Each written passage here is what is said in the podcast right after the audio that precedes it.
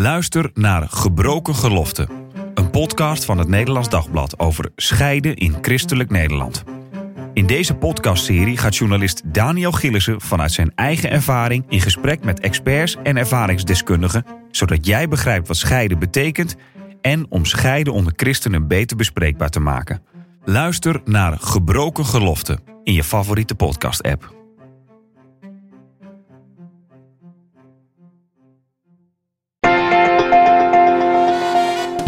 De Sekspodcast. Christenen over relaties, liefde en seks. Leuk dat je luistert. Mijn naam is Marien Korterink en in deze podcast praat ik wekelijks over relaties, liefde en seks met de ene week relatiecoach Kokkie Drost en de andere week relatietherapeut en seksuoloog, psycholoog Phoenix de la Fosse. Deze week is Phoenix hier. Goed dat je er bent, Phoenix, nogmaals. Ehm, wat is het probleem deze week, Phoenix? Als je van een probleem wil spreken natuurlijk, maar... Dit keer gaat het over een stel dat bij me komt omdat de seks uh, niet goed gaat. En uh, daarvoor komen ze als eerste instantie, maar het blijkt dat er veel meer aan de hand is. En uh, dat die seks lastig is, heeft te maken met de kwaliteit van hun relatie. Want maak je dat vaker mee, dat mensen komen met een seksueel probleem en dat je denkt, het is eigenlijk iets heel anders? Ja, heel vaak. Heel vaak. Ja, dan is er meer aan de hand. En dan moet je gewoon goed doorvragen. Want hoe komt dat, dat ze dan uiteindelijk met een uh, ja, seksueel probleem komen en dat het eigenlijk groter is dan dat? Uh, het, het, is heel vaak het topje van de ijsberg. Of een soort van uh, toernooiveld waar een strijd wordt uh, gestreden. Um, en toevallig is het dan het bed waar het de strijd gestreden wordt, maar het kan van alles zijn. Is het bed vaak de plek waar dat soort dingen opkomen borrelen? Ja, daar ga je, daar ga je het snel merken. Um, als daar verwijdering is of uh, geen ruimte, geen plek voor elkaar, geen aandacht voor elkaar, geen afstemming. Maar dat zit vaak op allerlei vlakken dan ook. Jij zegt geen afstemming. Is dat het probleem of wat is het grotere probleem waar, waar, waar jij dan achter kwam van dat speelt eigenlijk hier? Dat uh, beide het gevoel hebben, ik word niet gezien. Ik word, uh, het gaat niet om mij, ik ben niet belangrijk. En dat is iets wat ik heel vaak terugzie dat uh, partners denken van nou het werk van jou gaat voor, of de kinderen gaan voor, of familie gaan voor, gaat voor, of je sport, of je vriendinnen, of je vrienden gaan voor. Alles gaat voor mij bijna. Alles gaat voor mij. De hond gaat voor mij. Ja. Hoe komt dat dat je dat, dat, je dat zo gaat voelen? Um, ja, je zou dan kunnen zeggen dat uh, mensen leven dan meer uh, naast elkaar dan met elkaar samen. Uh, want voor een relatie moet je toch uh, werk verzetten. Daar moet je moeite voor doen. En, en dat blijft. Dat is dat is, ook de simpele oplossing? Moeite doen voor elkaar. Ja, zo simpel is het eigenlijk wel. Dat is een sleutel wel. Een, een relatie loopt op de tijd die je samen doorbrengt. Net zoals een uh, auto loopt op benzine of op stroom, loopt een relatie op tijd samen. Ja. Kwaliteitstijd samen. En als je dat niet doet, dan raak je elkaar dus kwijt, wat eigenlijk het probleem is. Uh, dat klinkt ook altijd een beetje als een klassieke relatieprobleem, vind ik. Vind jij dat ook? Het is, het is een van de klassiekers. Ik denk dat de klassieker is dat, dat mensen elkaar uh, niet meer uh, begrijpen. begrijpen. En, en daarmee dus ook uh, belangrijk voelen binnen de relatie. Ja. Is het eigenlijk um, gek als je elkaar soms even kwijt bent in een relatie? Nee, vind ik, vind ik helemaal niet. Ik vind het helemaal niet gek, want je bent natuurlijk per definitie verschillend. Hè? En dat is en dat blijft. Uh, daar kan je over blijven steggelen, maar de verschillen die, die zijn er nu eenmaal. De een die is nu eenmaal altijd sneller om, uh, om met, met opruimen uh, dan de ander. De ene ziet nu eenmaal sneller troep of is nu eenmaal eerder moe. En uh, ik denk dat het goed is om daarin je partner niet te willen veranderen. Dat is gewoon zo. Het is meer, kijk, kijk naar de dingen die wel fijn zijn en die goed gaan. En waarin je wel uh, uh, ja, de verbondenheid voelt. In het begin lijkt dat altijd nog heel goed te gaan. En dan gedogen we nog heel veel, kunnen we heel veel hebben van de ander. Is er een bepaalde fase in relatie waar, waarvan jij zegt, dan, dan zie je dat een beetje gebeuren? Ja, Kijk, bij de verliefdheid dan gebeurt dat nog niet dat je elkaar kwijtraakt gevoelsmatig. Nee, dan, dan spelen hormonen ook nog wel een hele erg prominente rol. En op een gegeven moment wordt dat wat minder. En, en dan gaat het erom van uh, wat zie ik en uh, uh, wat verbaast me en laat ik dat ook zeggen. En laat ik vragen waar dat mee te maken heeft, waar dat vandaan komt, waar je dat gewend bent. Gewoon nieuwsgierig. Ik denk dat het heel belangrijk is als een, als een rode draad in een relatie kan je nog steeds nieuwsgierig zijn naar elkaar kan je nog steeds nieuwsgierig zijn naar de binnenwereld van de ander, die per definitie verschilt van jouw binnenwereld. En hoe doe je dat? Door te vragen. Door nieuwsgierig te blijven en door eerlijk antwoord te geven. Maar soms heb je die interesse misschien dan ook gewoon niet meer of zo. Uh, ja, maar kijk, als je de interesse verliest in de ander, dan, uh, dan komen er kieren. Uh, maar is dat iets wat, je, wat, het, wat het gewoon uh, werken vraagt, zeg maar, op een bepaalde manier? Ja, dat, dat, is, dat is een onderdeel van het werken. Ehm, er is een heel mooi boek over en dat heet Liefde is een werkwoord. Je moet, het klinkt altijd heel cliché, vind ik, maar het is dus misschien maar, ook maar zo. Het is wel zo. Je moet, je moet wel werk blijven maken van elkaar. Ga nou er niet uit dat uh, je, je bent samen of je, of je bent getrouwd, uh, je hebt één hypotheek, uh, je hebt kinderen, we blijven bij elkaar. Nee, dat, zo is het dus niet. Het kan aan alle kanten fout gaan. dus investeer wel in, in je nest. Want daar, dat, dat is het. je bent sa samen vorm je dat nest. Daar moet je, dat moet je onderhouden. Ja, en anders raak je elkaar dus kwijt. Jij ja. zegt het is niet per se, je hoeft niet per se direct uit elkaar te gaan als je even een tijdje elkaar wat meer aan het zoeken bent of elkaar kwijt bent. Nee, helemaal niet. Maar als de een het opmerkt, uh, uh, trek aan de bel. Als je dat voelt, trek aan de bel en zeg dan van nou, dit is wat ik merk. Heb jij dat ook? Uh, hier heb ik behoefte aan. Ik wil, ik wil tijd met jou samen. Hoe gaan we dit plannen? Hoe, hoe kaart je dat trouwens aan? Is dat gewoon inderdaad zeggen van... hé, hey, ik uh, merk dat we niet meer connecten of zo? Of, ja, of wat, wat, voel je ja, dan? Of, of ja, zoals je het voelt. Ik mis je. Ik mis je, ik verlang naar je. Ik wil tijd met jou samen zijn. Uh, en dat zit al in de kleine dingen. Hè. Ik bedoel, een telefoon vind ik een derde. Uh, zet dat ding toch vaker op vliegtuigmodus als je samen bent. weet je, want... dat, dat trilletje of dat, dat geluidje, dat, dat verstoort je merkt het even aan, aan, aan bijvoorbeeld de reactie van je partner dat daar iets gaat. Dus uh, het is onprettig. Als je samen het leuk hebt en ineens gaat die telefoon, of ineens is er een berichtje, of weet ik veel wat. En je partner reageert. Dat is gewoon niet prettig. Dus doe dat niet. Het is, uh, het is ook niet respectvol, vind ik. Nee. Het is een soort kip-ei verhaal soms ook wel met die telefoon, denk ik. Van wat, wat is er eerst, zeg maar, dat je elkaar een beetje aan het kwijtraken bent en dus meer op je telefoon gaat? Ja. Of de telefoon is er en daardoor raak je elkaar kwijt. Ja, dus maar ja, kijk, als je, als je gewoon maar ergens dus een, uh, een, uh, een spaak tussen het wiel zet en denkt van oké, okay, nou die telefoon die zet ik gewoon even weg. En uh, wat is er nu? Oké, okay, we doen het allebei. Wat hebben we elkaar te vragen, wat hebben we elkaar te zeggen? Waar hebben we zin in? En dat zou weer op te pakken. Ja, want hoe kom je dan weer dichter bij elkaar? tijd maken samen. Uh, samen dingen doen, plezier hebben. Ik denk heel erg belangrijk om plezier te hebben en ontspannen te zijn bij elkaar. Je vrij te voelen bij elkaar. En dat is ook de basis voor fijne seks, naar mijn idee. Ontspannen zijn, tijd hebben voor elkaar, aandacht hebben voor elkaar, af willen stemmen op elkaar. Dus afstemmen is ook vragen van uh, uh, waar heb jij zin in? en, en hier heb ik zin in. Hè? Dus niet van waar heb jij zin in, dat gaan we doen. Maar ook bij jezelf te blijven. Van waar, en waar heb ik zin in en wat gaan we dan samen doen? Nou vroeg ik dat me nog, natuurlijk nog even in mijn omgeving van hè, uh, elkaar kwijtraken. Uh, hoe, hoe, denk je erover? Dat pols ik dan eens even bij mensen. En dan zeggen mensen ook wel die een gezin hebben. Ja, uh, daar gaat gewoon veel tijd in zitten. Want tijd met z'n tweeën, dat heb je ja, helemaal als je pubers thuis hebt. Dan heb je dat eigenlijk helemaal niet. Nee, dat, dat kijk, als, ik zeg altijd tegen mensen met, met pubers van... pubers hebben hun chillplek hun kamer waar je niet zomaar op kan stormen als ze daar met uh, vrienden of vriendinnen zitten. Uh, zorg dat je zelf ook een chillplek hebt. Maak je slaapkamer nou je eigen chillplek. Waar je je terug kan trekken, ook als koppel terug kan trekken. Waar je, waar je ook kan lezen, waar je kan vrijen, waar je kan praten. Waar het een fijne plek is. Dus, uh, want pubers die worden ouder. Op een gegeven moment gaan ze misschien wel later dan jij naar bed.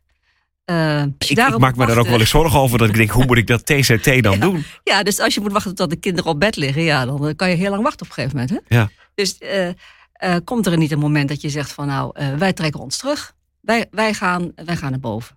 en en dat, dat kinderen dat ook weten van, nou, die, ouders moeten dan niet gestoord worden. En je moet echt wel tijd maken voor elkaar. En met kinderen moet je die tijd wel plannen. Het is niet meer zo spontaan, wat, wat je natuurlijk kan doen als je met z'n tweetjes bent. Tijd maken voor elkaar. Um, en vaak hoor ik van ja, maar dat is dan niet meer spontaan. Ja, maar dat is nu eenmaal zo natuurlijk. Als je kinderen hebt, je kan niet meer spontaan zeggen van ga je mee, gaan we nu dit doen. Of uh, ga je nu mee naar boven? Of ga je nu mee. Uh, nee, dat, ja, dat is nu anders. En dat, en dat blijft.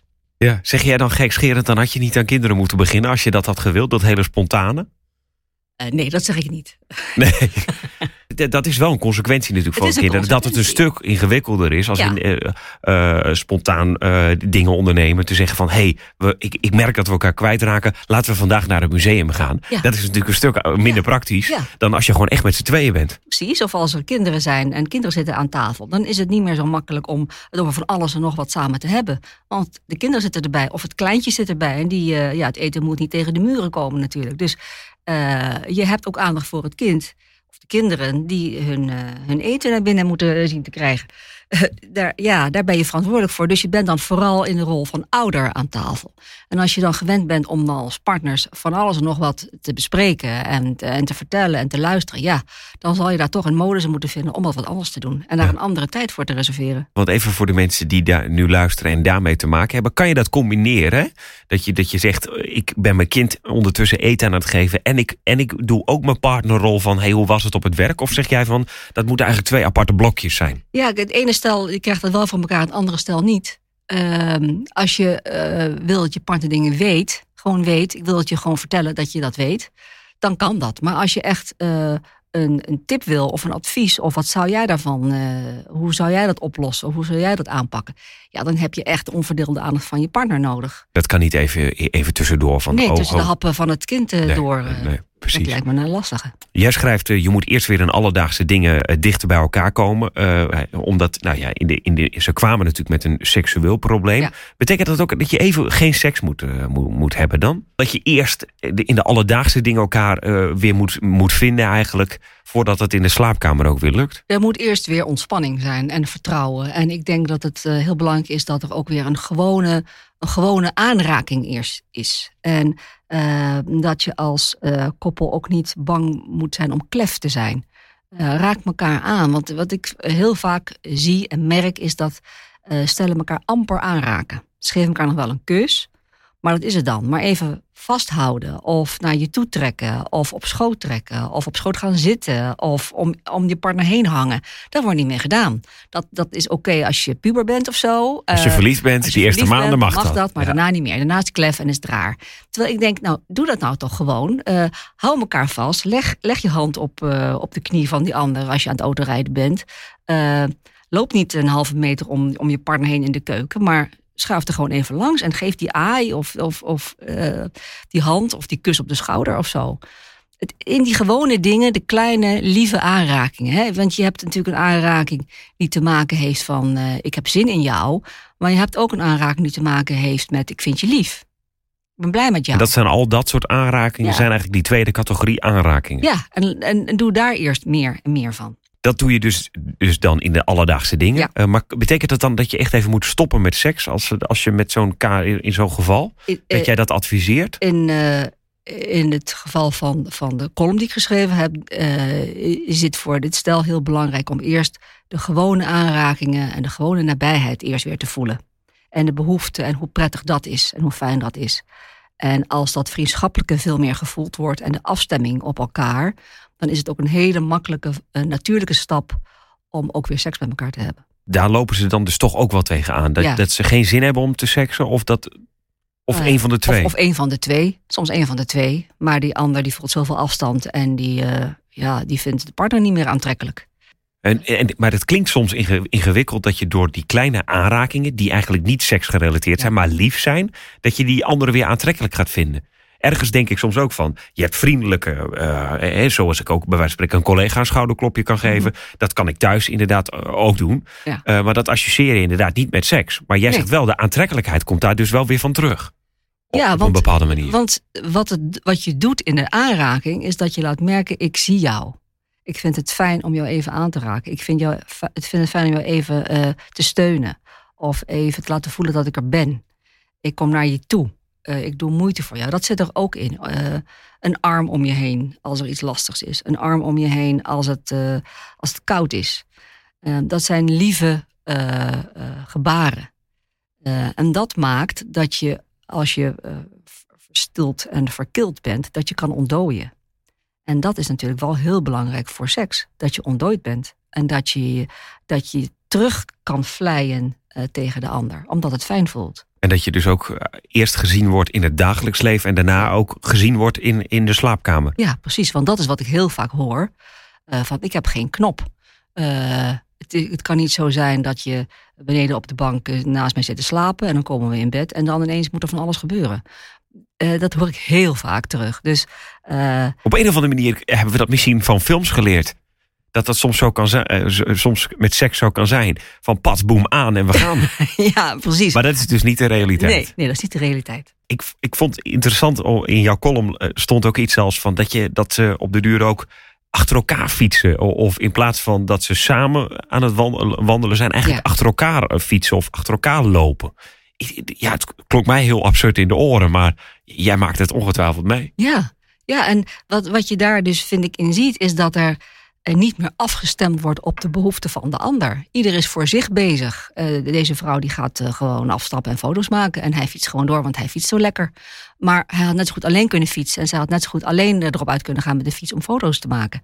Het is niet meer samen. Dus ik denk dat het zo belangrijk is. Het is best wel schrijnend als je dat, als je die, als je, als je dat voorbeeld leest in de column. Waarin jij dus inderdaad schrijft van uh, uh, die ene gaat, die fietst op zijn eigen tempo. En die andere fietst er achteraan. En die gaat inderdaad soms even stoppen om, uh, om foto's te maken, ja. et cetera. Ja. ja. dat klinkt voor mij inderdaad echt als twee wildvreemden die samen aan het fietsen zijn. Of eigenlijk helemaal niet samen aan het fietsen zijn. Ja, precies. Maar dat is natuurlijk ook wat je. Uh, ik, ik stel ook heel vaak van ga samen iets doen. Hè. Ga elke maand iets samen doen. En de ene maand organiseert de ander het, de een het en de volgende maand de ander. Uh, en wat ik dan soms terughoor is dat ze het eerder zijn gegaan, maar dat het nog steeds niet al samen voelde. En waarom? Die telefoon was er weer bij. Of uh, de oppas stuurde voortdurend foto's van het kind. Weet je, het is nog steeds niet samen. Samen is echt met z'n tweetjes afgestemd. Wij we hebben het over dingen die leuk zijn, geen moeilijke dingen ook. Of beladen dingen.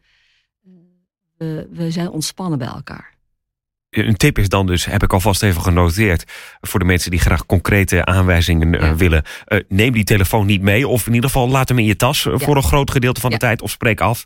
He, om een update van thuis te krijgen hoe het gaat. We kijken één keer in de twee uur.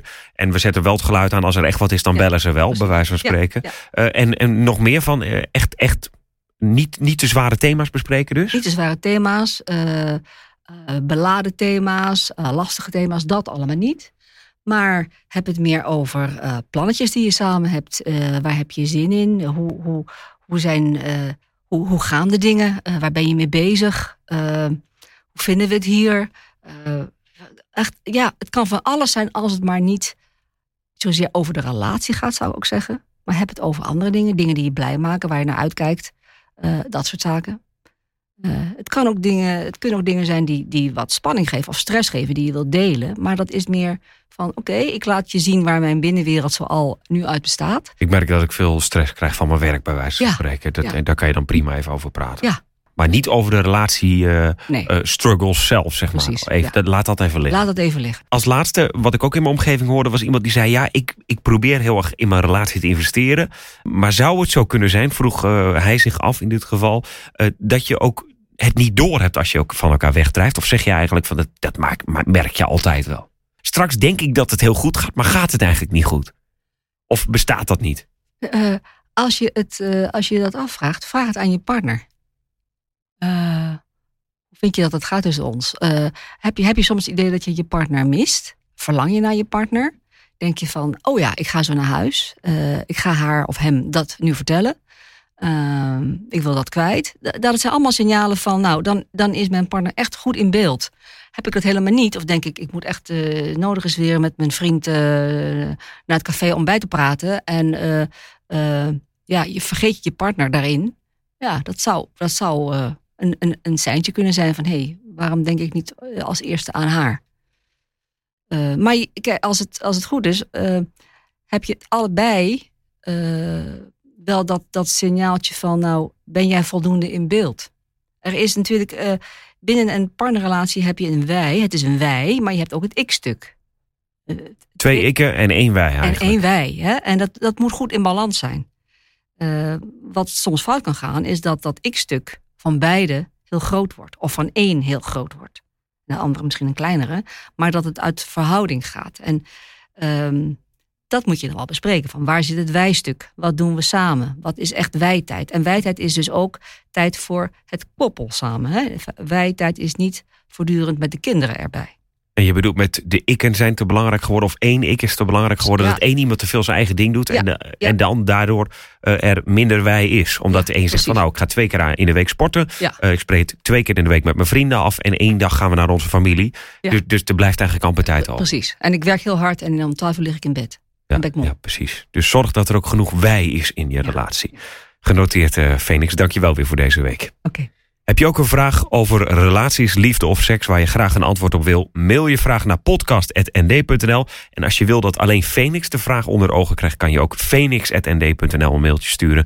Dan uh, kan ze je uh, eventueel de vraag meenemen anoniem. En dan uh, krijg ik er zelfs geen weet van. Dus dat mag ook. Volgende week vrijdag staat er weer een nieuwe aflevering voor je klaar. Tot dan.